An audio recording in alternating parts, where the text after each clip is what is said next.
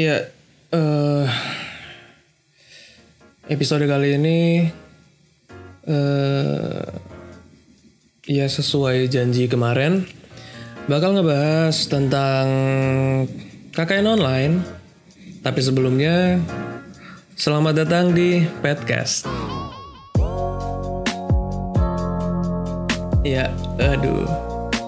Eh, jadi di podcast ini eh, karena memang baru, jadi ya eh, baru ini dalam artian eh, selama hampir setahun ini eh, episode juga masih sedikit, juga ya pendengar juga masih sedikit. Eh, jadi di sini juga aku masih belajar gimana caranya ya bikin-bikin inovasi barulah dalam eh, ngomong atau dalam melakukan opening gitu kan. Jadi ya ya mohon maklum lah kalau misalkan masih ada ngomong-ngomong yang masuk eh, masih jelimet-jelimet gitu kan atau bagaimana. Dan ya di akhir tahun ini apa yang kalian harapkan? 2001 2021 udah mau masuk, udah mau masuk ke 2021 dan virus corona masih ada.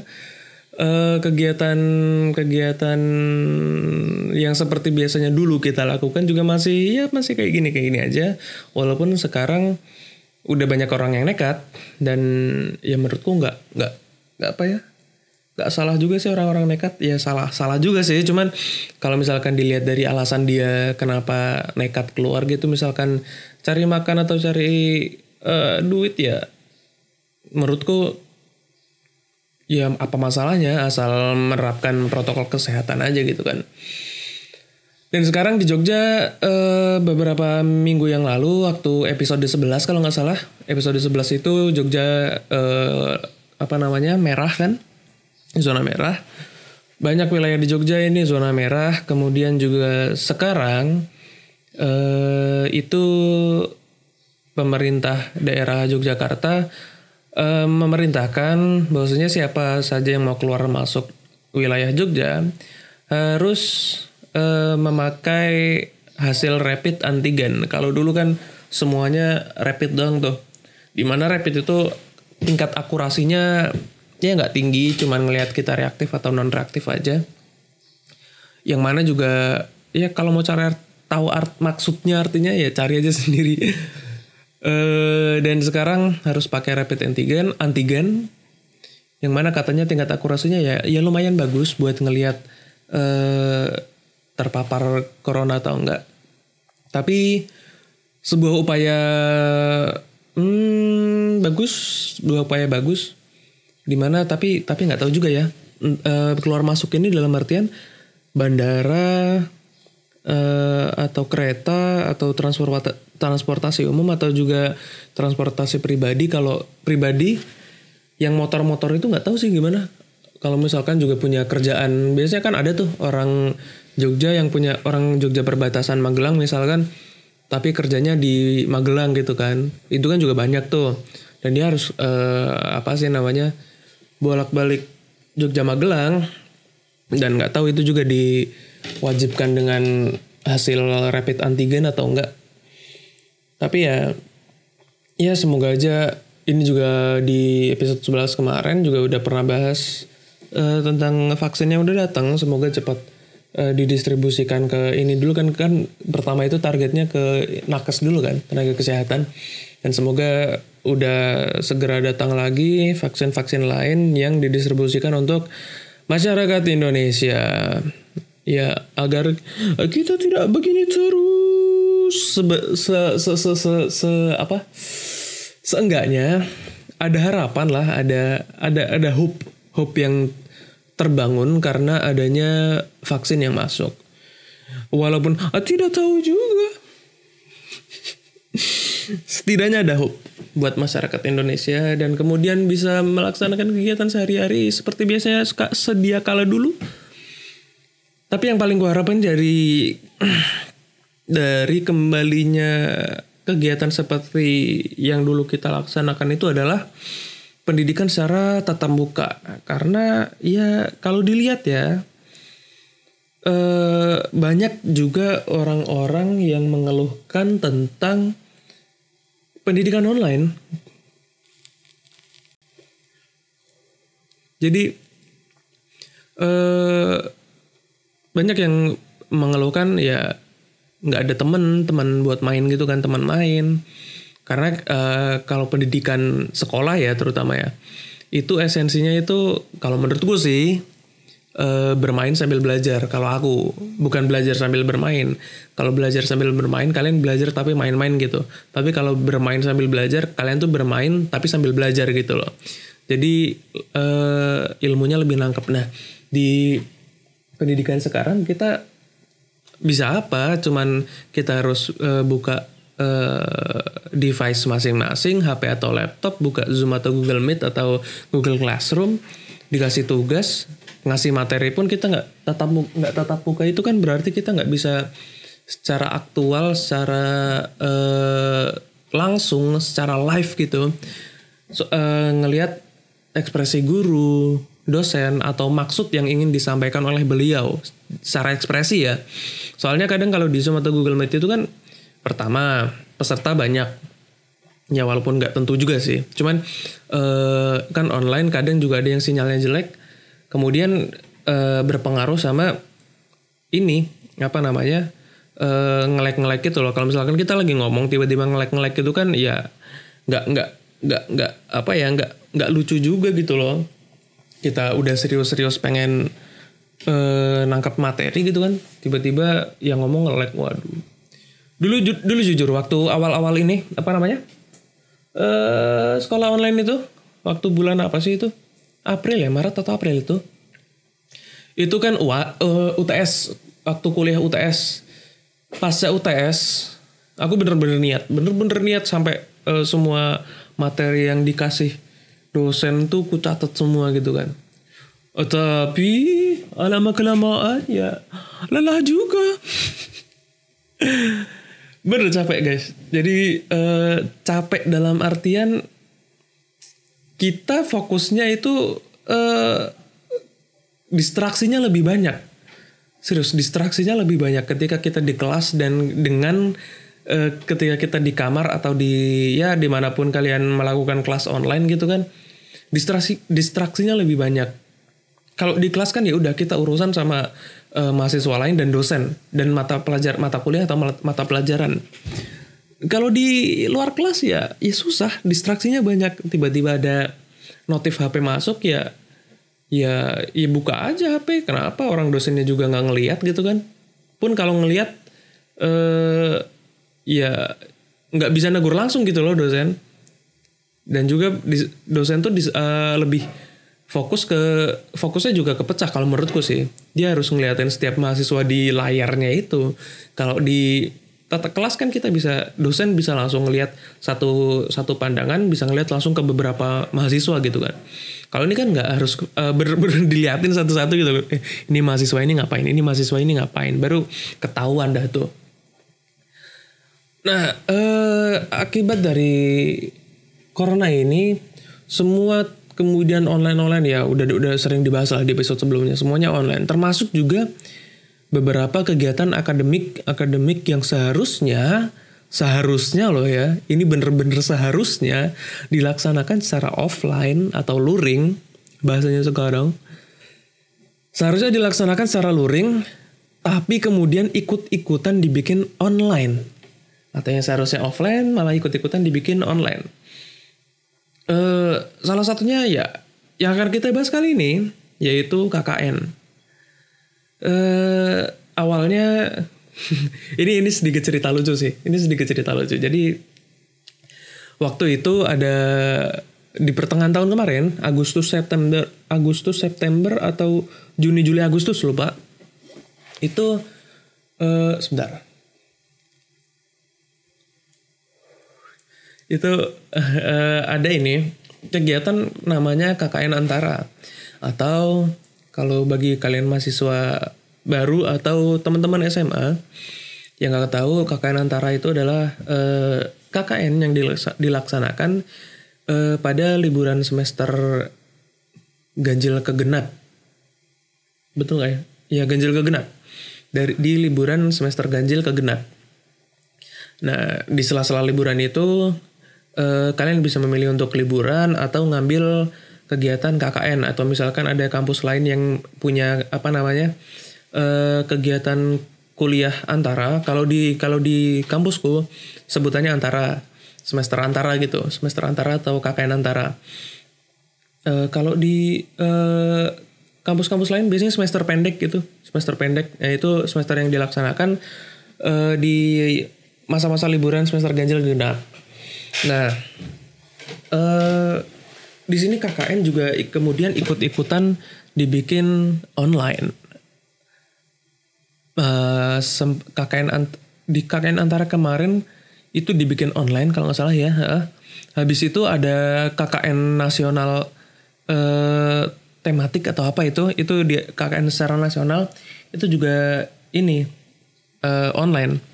Nah, dulu tuh kebet- kebetulan eh, aku belum bisa kuliah eh kuliah, belum bisa ambil KKN yang antara soalnya ya wajar lah mas, mahasiswa banyak ngulangnya kan. Jadi kak- eh, SKS belum mencukupi. Nah, waktu itu nggak belum bisa ngambil, belum bisa ngambil. Dan aku juga ini apa namanya dalam batinku ya, dalam batinku ya nggak apa-apa lah nggak bisa ngambil toh ini juga KKN-nya masih online. KKN online tuh gimana? Dulu aku mikir gitu kan, wah lucu sih nggak bakal jadi sih kalau KKN online gitu kan. Udahlah nggak apa-apa. Toh juga KKN ke depan itu akhir tahun.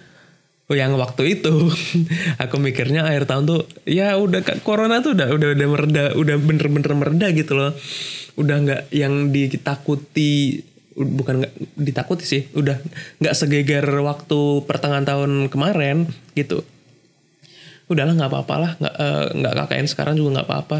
Toh juga gimana KKN online gitu kan? Aku mikir dulu gitu. Habis itu eh, dan dan ini dulu juga udah sempat bikin ini kan eh apa namanya waktu itu kan eh, kita rencana temen aku dan teman-teman gue itu eh, rencana ikut KKN reguler kan bukan yang antara itu. Dan reguler ini dulu itu bisa milih temen-temennya tempatnya gitu kan. Nah maka dari itu pertengahan tahun kemarin waktu eh, KKN antara ini udah dilaksanain beberapa ya se- mungkin semua ya semua mahasiswa UPN yang pengen ikut KKN reguler itu udah bikin kelompok. Udah bikin kelompok masing-masing gitu kan. Wah eh, ayo sama aku sama aku gitu kan. Kemudian muncul baru nih KKN KKN nasional itu KKN nasional nah banyak temanku yang ikut itu ternyata. Jadi kelompok tuh kepecah. Dan ya masih online juga. Aku pun ya nggak apa-apa lah KKN online tuh gimana? Aku kan batin gitu kan. Ternyata sampai akhir tahun masih dong masih KKN online gitu kan. Ya udahlah mau nggak mau kan. Masa juga mau nunda nunda KKN lagi lulus kapan kan berarti kan. Udahlah ikut KKN aja di akhir tahun ini. Waktu ikut eh waduh. Sebenarnya kalau cerita bakal ngungkapin eh mungkin hmm, ribet atau kalau eh, kasarnya sih jeleknya sih jeleknya sistem eh, kampus saya. Nggak bagus kok bagus. Eh jadi waduh waktu pendaftaran KKN aja mulai daftar aja nih.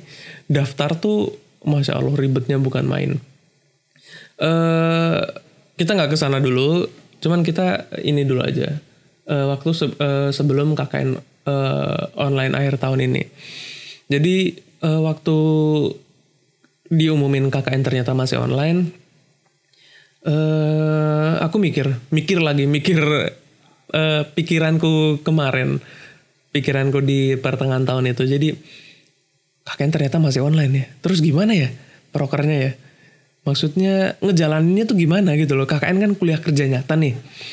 Kuliah kerja nyata yang seharusnya secara nyata itu loh kan dijalankan ke masyarakat gitu loh. Pengabdian ke masyarakat. Namanya pengabdian kan berarti kita mengabdi ke masyarakat. Kemudian masyarakat eh, bisa memberikan feedbacknya ke kita eh, dan segala macam segala macamnya lah. Tapi kemudian dibikin online. Terus gimana gitu loh? Eh di sini kalau udah gini ya eh pikiranku tuh jadi kayak ini kegiatan KKN dilaksanakan ini secara ya kayak komunikasi satu arah aja. Jadi kalian ngelaksain proker apa gitu kan. Eh, kemudian dibikin video dikasih ke masyarakat terus udah bikin video kasih masyarakat udah iya terus masyarakat bagaimana meresponnya? Lagian juga masyarakat kan eh, apa namanya masyarakat di, di tempat eh, gini deh kita kalau KKN pasti ditempatkan yang eh, dalam tanda kutip tertinggal tertinggal dalam artian ini bukan tertinggal bener-bener tertinggal ya. Maksudnya banyak orang yang juga masih nggak tahu eh, cara menggunakan teknologi. Bahkan di tempat kakekku sekarang eh, itu kan isinya orang tua orang tua kan. Eh, orang banyak banyak banget orang tua lansia banyak banget. Kemudian loncatan generasinya ini juga jauh banget. Jadi kalau misalkan eh, sekarang ini sekarang ini itu bisa diperkirakan anak-anak SMP, SMA, kuliah itu dikit banget. Dan SD pautnya banyak banget. Jadi loncatan generasinya tuh jauh gitu loh. Pun kalau ada itu sedikit. Jadi apa ya eh, untuk eh, membangun menggunakan anak-anak muda ini eh, susah gitu loh. Susah karena sedikit orangnya. Jadi uh, orang tua orang tua ini mau melakukan transfer transfer apa sih transfer generasi itu juga bingung juga karena anak-anaknya masih kecil semua gitu jadi uh, untuk um, apa ya mengenalkan teknologi ke uh, wilayah tersebut tuh susah karena kita tahu teknologi ini biasanya nguasain anak muda uh, antara SMP SMA kuliah terutama kuliah ya yang nguasain mereka mereka itu Nah, di sini uh, jumlahnya sedikit. Jadi susah buat orang-orang sekitar uh, mengenal teknologi dan kalau misalkan uh, kita tanya ke orang tua punya HP smartphone atau nggak punya, pakainya apa? WhatsApp.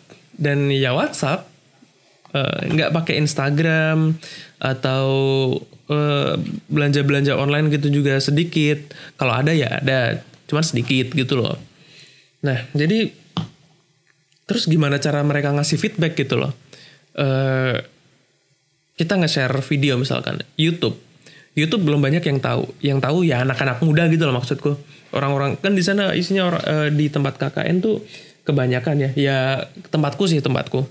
Ini banyakan yang orang tua gitu loh. Jadi mereka buka YouTube pun ya ya ya udah gitu loh. Nggak nggak yang uh, sehari-hari lihat YouTube nyari apa-apa ke YouTube gitu loh. Mereka masih mengandalkan uh, sektor pertanian kemudian penjualan secara analog analog ini dalam artian ya udah mereka panen ke pasar dijual gitu loh bukan secara digital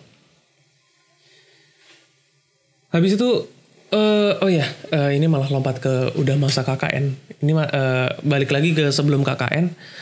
Jadi aku mikir lagi nih gimana gimana gimana gimana ya udahlah dijalanin karena mau nggak mau harus dijalanin masa nunggu uh, covid reda baru ikut KKN mau lulus kapan anda? Ya jadi mau nggak mau aku jalanin daftar segala macem dan ribet sekali. Waduh apa itu? Apa itu? Mobil. Jadi uh, di sini aku punya argumen uh, yang sedikit mengakibatkan saya menjadi musuh masyarakat. Karena menurutku, oh ya sebelumnya, uh, oh ya kemarin tuh udah janji, sorry sorry sorry sorry, udah masuk ke topik ini. Jadi kemarin udah janji kan, uh, aku bakal, aduh apa sih tuh, ya Allah jadi udah janji bakal ngadirin di podcast ini bakal aku sama temanku. Tapi ternyata untuk mencocokkan jadwal kita selama KKN ini agak susah. Jadi ya mau nggak mau karena udah ada episode yang uh, udah ada episode lain yang nunggu upload upload juga. Jadi nanti mungkin uh, apa namanya episode ini diupload beriringan dengan episode selanjutnya yang mana udah di record duluan sebelumnya di di ya kemarin minggu kedua Desember apa ya itu uh, dan ini di minggu ketiga saya bener atau enggak nih iya di minggu satu dua tiga ya minggu terakhir lah di minggu-minggu uh, perayaan Natal. Jadi uh, kita sulit mencocokkan jadwal jadi mau nggak mau uh, ya aku udah ada tangguh uh, udah ada yang nunggu itu episode yang nunggu jadi aku upload sendiri. Dan sebenarnya di sini uh, kita uh, sebenarnya ya tapi akhirnya cuman aku aku pengen ngebahas KKN tidak perlu uh, terutama ini ya argumenku kenapa KKN nggak perlu uh, terutama di masa pandemi kayak gini di mana akhirnya jadi online gitu loh. E, karena menurutku kegiatan KKN ini kan kuliah kerja nyata. Jadi kan kita mengimplementasikan apa yang kita dapat di masa kuliah ke masyarakat sekitar untuk kita abdikan diri kita e, pengetahuan kita ke masyarakat sekitar. Kegiatan KKN yang nggak perlu itu yang ku maksud adalah kegiatan KKN secara seremonial. Uh, secara apa ya? Hmm, mainstream mainstream ya yang yang udah-udah aja jadi kalau menurutku kegiatan KKN itu bisa diganti dengan uh, misalkan nih kalian adalah salah satu uh, anggota remaja masyarakat gitu kan. Uh, terus habis itu ya menurutku dengan kegiatan-kegiatan yang kalian lakuin di rumah dengan pemuda-pemuda itu organisasi kepemudaan masyarakat uh, itu udah menurutku udah KKN gitu loh. Tapi sayangnya ya aku paham lah, aku paham karena yang namanya KKN itu adalah uh, kegiatan pengabdian masyarakat secara lembaga. Lembaga di sini berarti kampus. Ya, ya, ya, ya, ya. Uh, tapi kak, uh, janganlah jadi lanjutin itu. Ya jadi kalau menurutku kegiatan eh, pengabdian kepada masyarakat itu eh, sudah terlaksana menurutku ya ketika kalian di rumah itu ikut misalkan organisasi eh, remaja masyarakat kepemudaan eh, atau misalkan kalian di rumah juga eh, ini jadi kayak guru les misalkan kalian buka les-lesan gitu kan atau misalkan eh, kalian uh, jadi guru ngaji di masjid gitu kan? Atau misalkan juga nggak usah guru ngaji juga misalkan ini jadi apa takmir masjid gitu kan? Ya paling nggak ngebersihin bersihin masjid gitu kan? Jadi ya remaja masjid gitu atau apalah segala macam yang sebenarnya nggak harus dilaksanakan terjun ke desa mana gitu. Ya kalau menurutku itu kegiatan pengabdian masyarakat sudah terpenuhi gitu loh. Uh, jadi apalagi sekarang ya sekarang tuh waduh. Kayak KKN sekarang tuh kalau menurutku lebih capek gitu loh. Karena uh, gini ya aku cerita aja deh.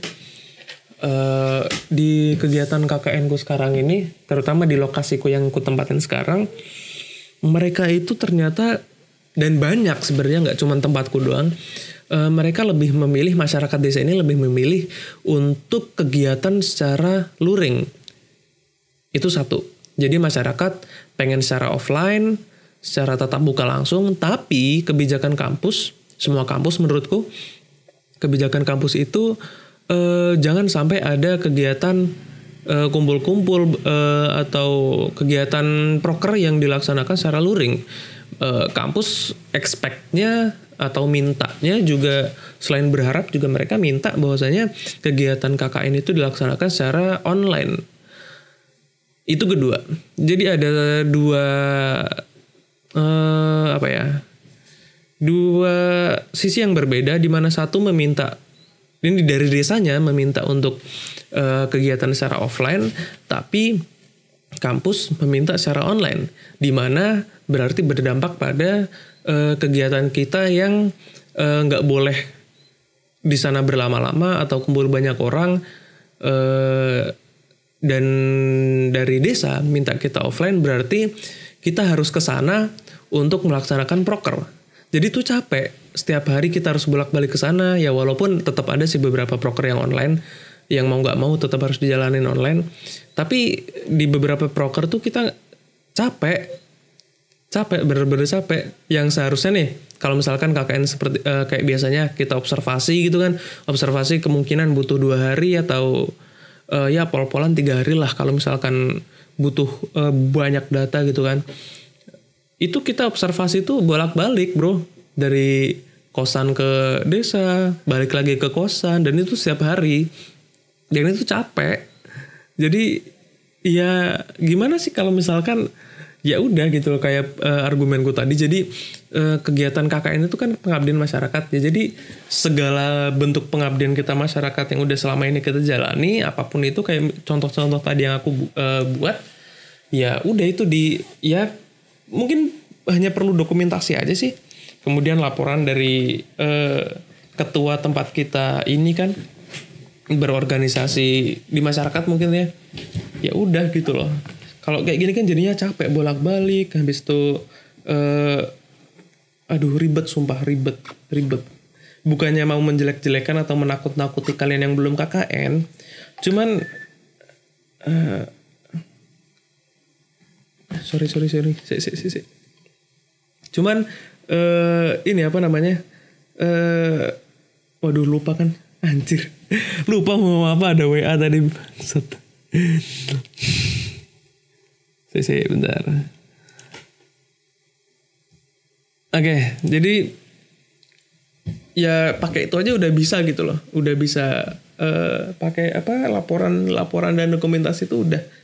Nggak perlu yang kayak sekarang gini soalnya jatuhnya jadi ribet banget.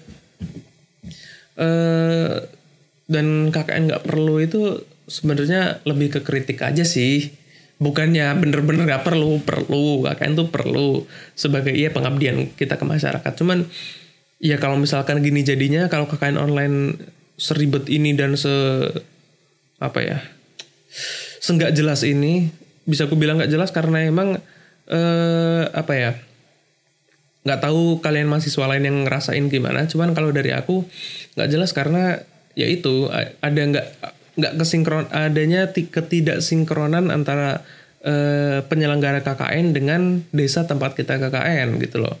Kayak itu tadi contohnya satu contoh itu satu aja satu contoh tadi itu. Jadi desa pengen offline uh, kampus pengen online. Itu baru satu. Kalau mau sebutin banyak bro. Tapi nanti kesannya malah menjelek-jelekan uh, satu pihak gitu kan. Jadi ya uh, ya itu tadi argumenku itu sih. Untuk menolak bukan menolak sih e, bilang kakek bahwa KKN itu tidak perlu ya bahwasanya kita semua orang tuh bisa melaka, melakukan KKN tuh kapan aja dan di mana aja gitu loh. Ya, misalkan kalian ikut pemuda e, remaja desa gitu kan ya menurutku itu udah KKN dan buktikanlah dengan ya bikin proker barulah yang buat emang buat nilai KKN-nya gitu kan. Ya udah gitu loh. Kalau gini ya aduh ribet banget bro. Uh, jadi kemarin ini aku juga kan lagi KKN kemudian juga ya yang kayak gitu tadi desa minta offline di beberapa proker desa minta offline tapi kemudian kampus minta online. Yang mana kita nggak bisa nginep gitu loh. Nginep dalam artian biar bisa uh, mempermudah uh, komunikasi atau efisiensi, waktu sih terutama. Jadi di situ ada satu program yang kita diminta untuk online. Dan ketika kita diminta on, untuk online itu uh, ya karena ini ya apa namanya? Waduh kalau mau cerita panjang banget bro sebenarnya awalnya itu gimana sampai sekarang saking ribetnya ini kenapa ribet banget itu sebenarnya panjang banget tapi ya menjelek-menjelekan menjelek-jelekan itu tadi nanti jatuhnya. Jadi ya e, sampai sekarang ini ada proker yang dilaksanakan mendadak secara online, eh secara offline, secara tatap muka. Jadi itu ribetnya masya Allah bu, e, ribet bukan main. Habis itu juga ternyata e, apa ya? Mungkin karena mendadak itu tadi sih, karena iya ribet banget itu tadi harus bolak-balik segala macem administrasi bolak-balik juga nggak bisa uh, secara online tuh susah gitu kan. Uh, karena nggak semua orang di sana juga pakai WA atau mainan email gitu kan. Ya atau apa pun itulah. Jadi kemarin ada satu proker yang tiba-tiba dilaksanain secara online eh offline. Di mana niatnya pertama online. Tapi dari desa mintanya secara offline. Ya udahlah ikut aja karena sebenarnya kan kita mengabdi kan berarti kita ngikut ke sana kan. Dilaksanakan secara offline dan ternyata ribet juga karena ya mendadak karena mendadak itu tadi eh, apa ya tingkat partisipasi masyarakat sedikit terus kita juga harus tetap mematuhi protokol kesehatan di mana itu juga bukan itu bukan sebuah eh, apa sih namanya hal yang berat untuk kami eh, mematuhi protokol kesehatannya. Eh, tapi yang di di sini jadi titik fokusnya adalah eh, apa ya kegiatan yang online ini aduh ya pokoknya kok KKN online nggak usah mending gak usah sumpah. Anjir bikin ribet ngomong. Ya poinnya itu KKN online itu mending gak usah ada atau kalau eh, KKN itu mau tetap ada ya udah di wilayah masing-masing aja. Kemudian dibuktikan aja gitu loh. Kalian udah ngapain ke masyarakat? Misalkan ya kayak menurutku ya menurutku yang namanya mengabdi ya kita mengabdikan diri kita ke masyarakat dalam bentuk apa pun gitu loh. Pengabdian masyarakat itu dalam bentuk apa pun. Kayak misalkan ada kerja bakti masyarakat ya udah gitu loh. Atau misalkan kita punya keahlian misalkan uh, bisa uh, bisa ngaji gitulah misalkan ya udah kalian ke masjid gitu kan daftar jadi atau ngajuin diri jadi uh, guru ngaji atau apalah sebagainya ya ya udah gitu loh. Ya semoga kalian sehat selalu. Uh, buat kalian yang belum KKN belum pernah merasakan KKN ya aku nggak bakal nyeritain apa sih namanya uh, step-stepnya dari awal karena ya itu nanti bakal kalian alamin sendiri lah. Kalau aku ceritain step-stepnya dari awal KKN itu gimana terus gimana terus gimana terus gimana ya ya nggak seru.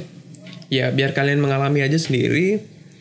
Uh, apa ya di bulan Desember ini juga oh ya selain itu uh, selain itu juga uh, ini kakaknya kan dijalanin di bulan Desember toh. Di bulan Desember di mana ada Desember sampai Januari di mana ada satu libur panjang cuti bersama Natal liburan Natal dan tahun baru.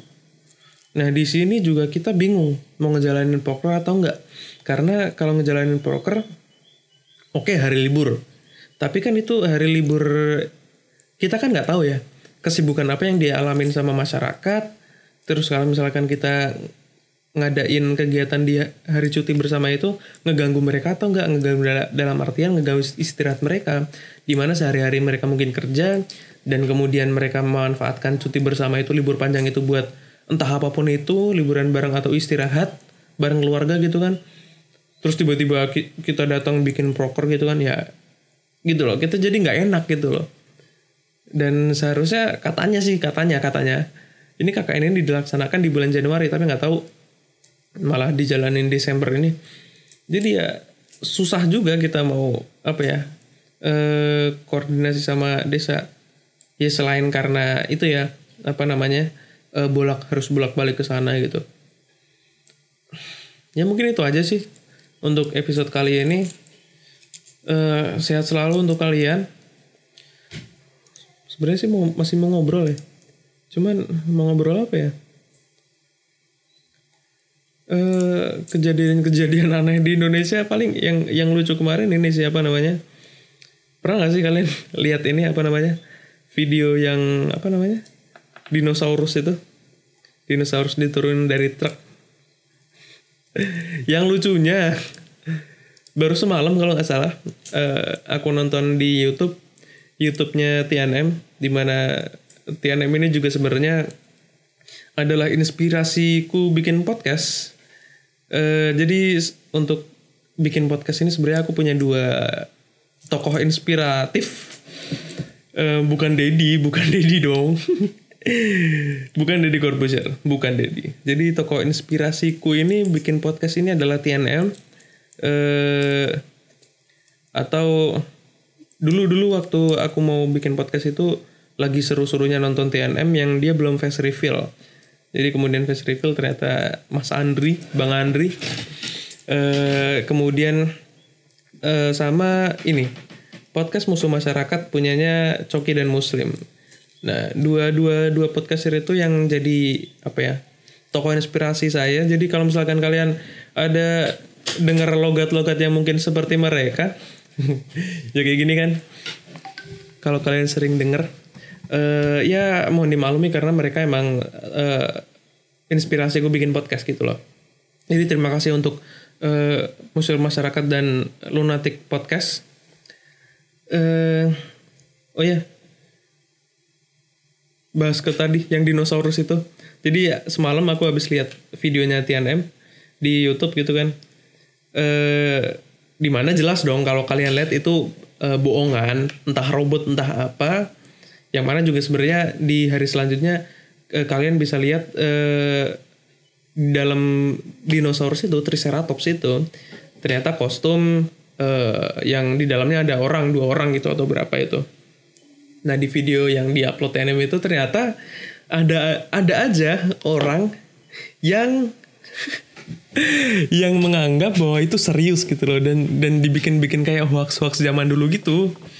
Jadi kalau kalian pernah lihat hoax zaman dulu kan telah terdengar suara dajjal dari lautan selatan. Eh, mohon sebarkan pesan ini ke keluarga kalian. Jangan sampai berhenti di kalian karena ya apa pun itulah. Dan itu ada yang kayak gitu. Telah keluar hewan zaman purba. Telah keluar hewan zaman purba di Indonesia. Pertanda apakah ini? Iya, pertanda bahwa Anda goblok. Iya jelas dong kalau kalian bisa lihat itu udah kesebar di mana-mana di Twitter ada, di story WA ada. Itu jelas banget kelihatan gerakannya kaku. Dan kalau namanya Triceratops, aduh aduh sorry. Jadikan Aduh sorry sorry. Dan kalau namanya Triceratops itu kan berat banget kan. Namanya dinosaurus tuh berat dan besar gitu loh. Pun kalau misalkan itu ukuran bayi tetap berat bro. Itu pasti truk udah ini suspensinya apa eh, apa sih namanya shocknya itu apa? Eh, suspensi lah apa sih namanya? Eh, pernya itu lah pernya itu udah udah udah nggak nggak ini udah nggak bakal truknya ini pasti body body eh, truknya itu udah mepet sama bannya terus kalau dia gerak-gerak pun pasti truknya ikut gerak-gerak bukan main gitu loh. Itu gerak-geraknya cuma sedikit. Ini ada yang nganggap serius loh. Goblok. Hewan purba sudah muncul. Pertanda apakah ini? Astagfirullahaladzim astagfirullahaladzim segera sebarkan pesan ini. Tobatlah kalian. Aduh ya Allah nggak masuk akal. Tidak masuk akal. Mungkin itu dampak dari ini juga kali ya dampak dari stresnya orang-orang kebet covid ini. Tapi kalau itu dari dulu sih kalau menurutku wa wa kayak gitu. Jadi ya ya ini aja episode kali ini. Eh episode selanjutnya bakal diupload berba- bebarengan karena udah udah di udah udah dua minggu yang lalu kalau nggak salah. Dua minggu yang lalu udah di dua minggu seminggu yang lalu itu udah di udah siap upload tapi karena kemarin episode eh, 11 itu janjiin bakal bahas ini dulu jadi ya kita bahas ini dulu. Dan eh, sehat selalu untuk kalian. Jaga kesehatan. Eh, karena sekarang katanya semakin banyak simptom-simptom atau gejala-gejala dari COVID ini gejala baru. Kayak delirium atau kayak kayak kayak orang high gitulah. High apa sih? Mabok gitu ya kayak gitu atau gejala-gejala ringan lain gitu juga banyak jadi eh, tetap jaga kesehatan biar nggak nggak apa ya nggak terhambat kegiatan kalian. Eh, tetap semangat menjalani hidup sema- se- selama pandemi ini. Jangan menyerah. Buat teman-teman yang KKN ya tetap semangat. Jangan putus harapan karena satu orang. Aduh. Udah, itu aja buat episode kali ini. Jangan bosan-bosan buat dengerin podcast. Selamat de- eh, selamat berjumpa. Masa selamat sih? Eh, sampai berjumpa eh, sampai sampai berjumpa kembali di episode-episode selanjutnya.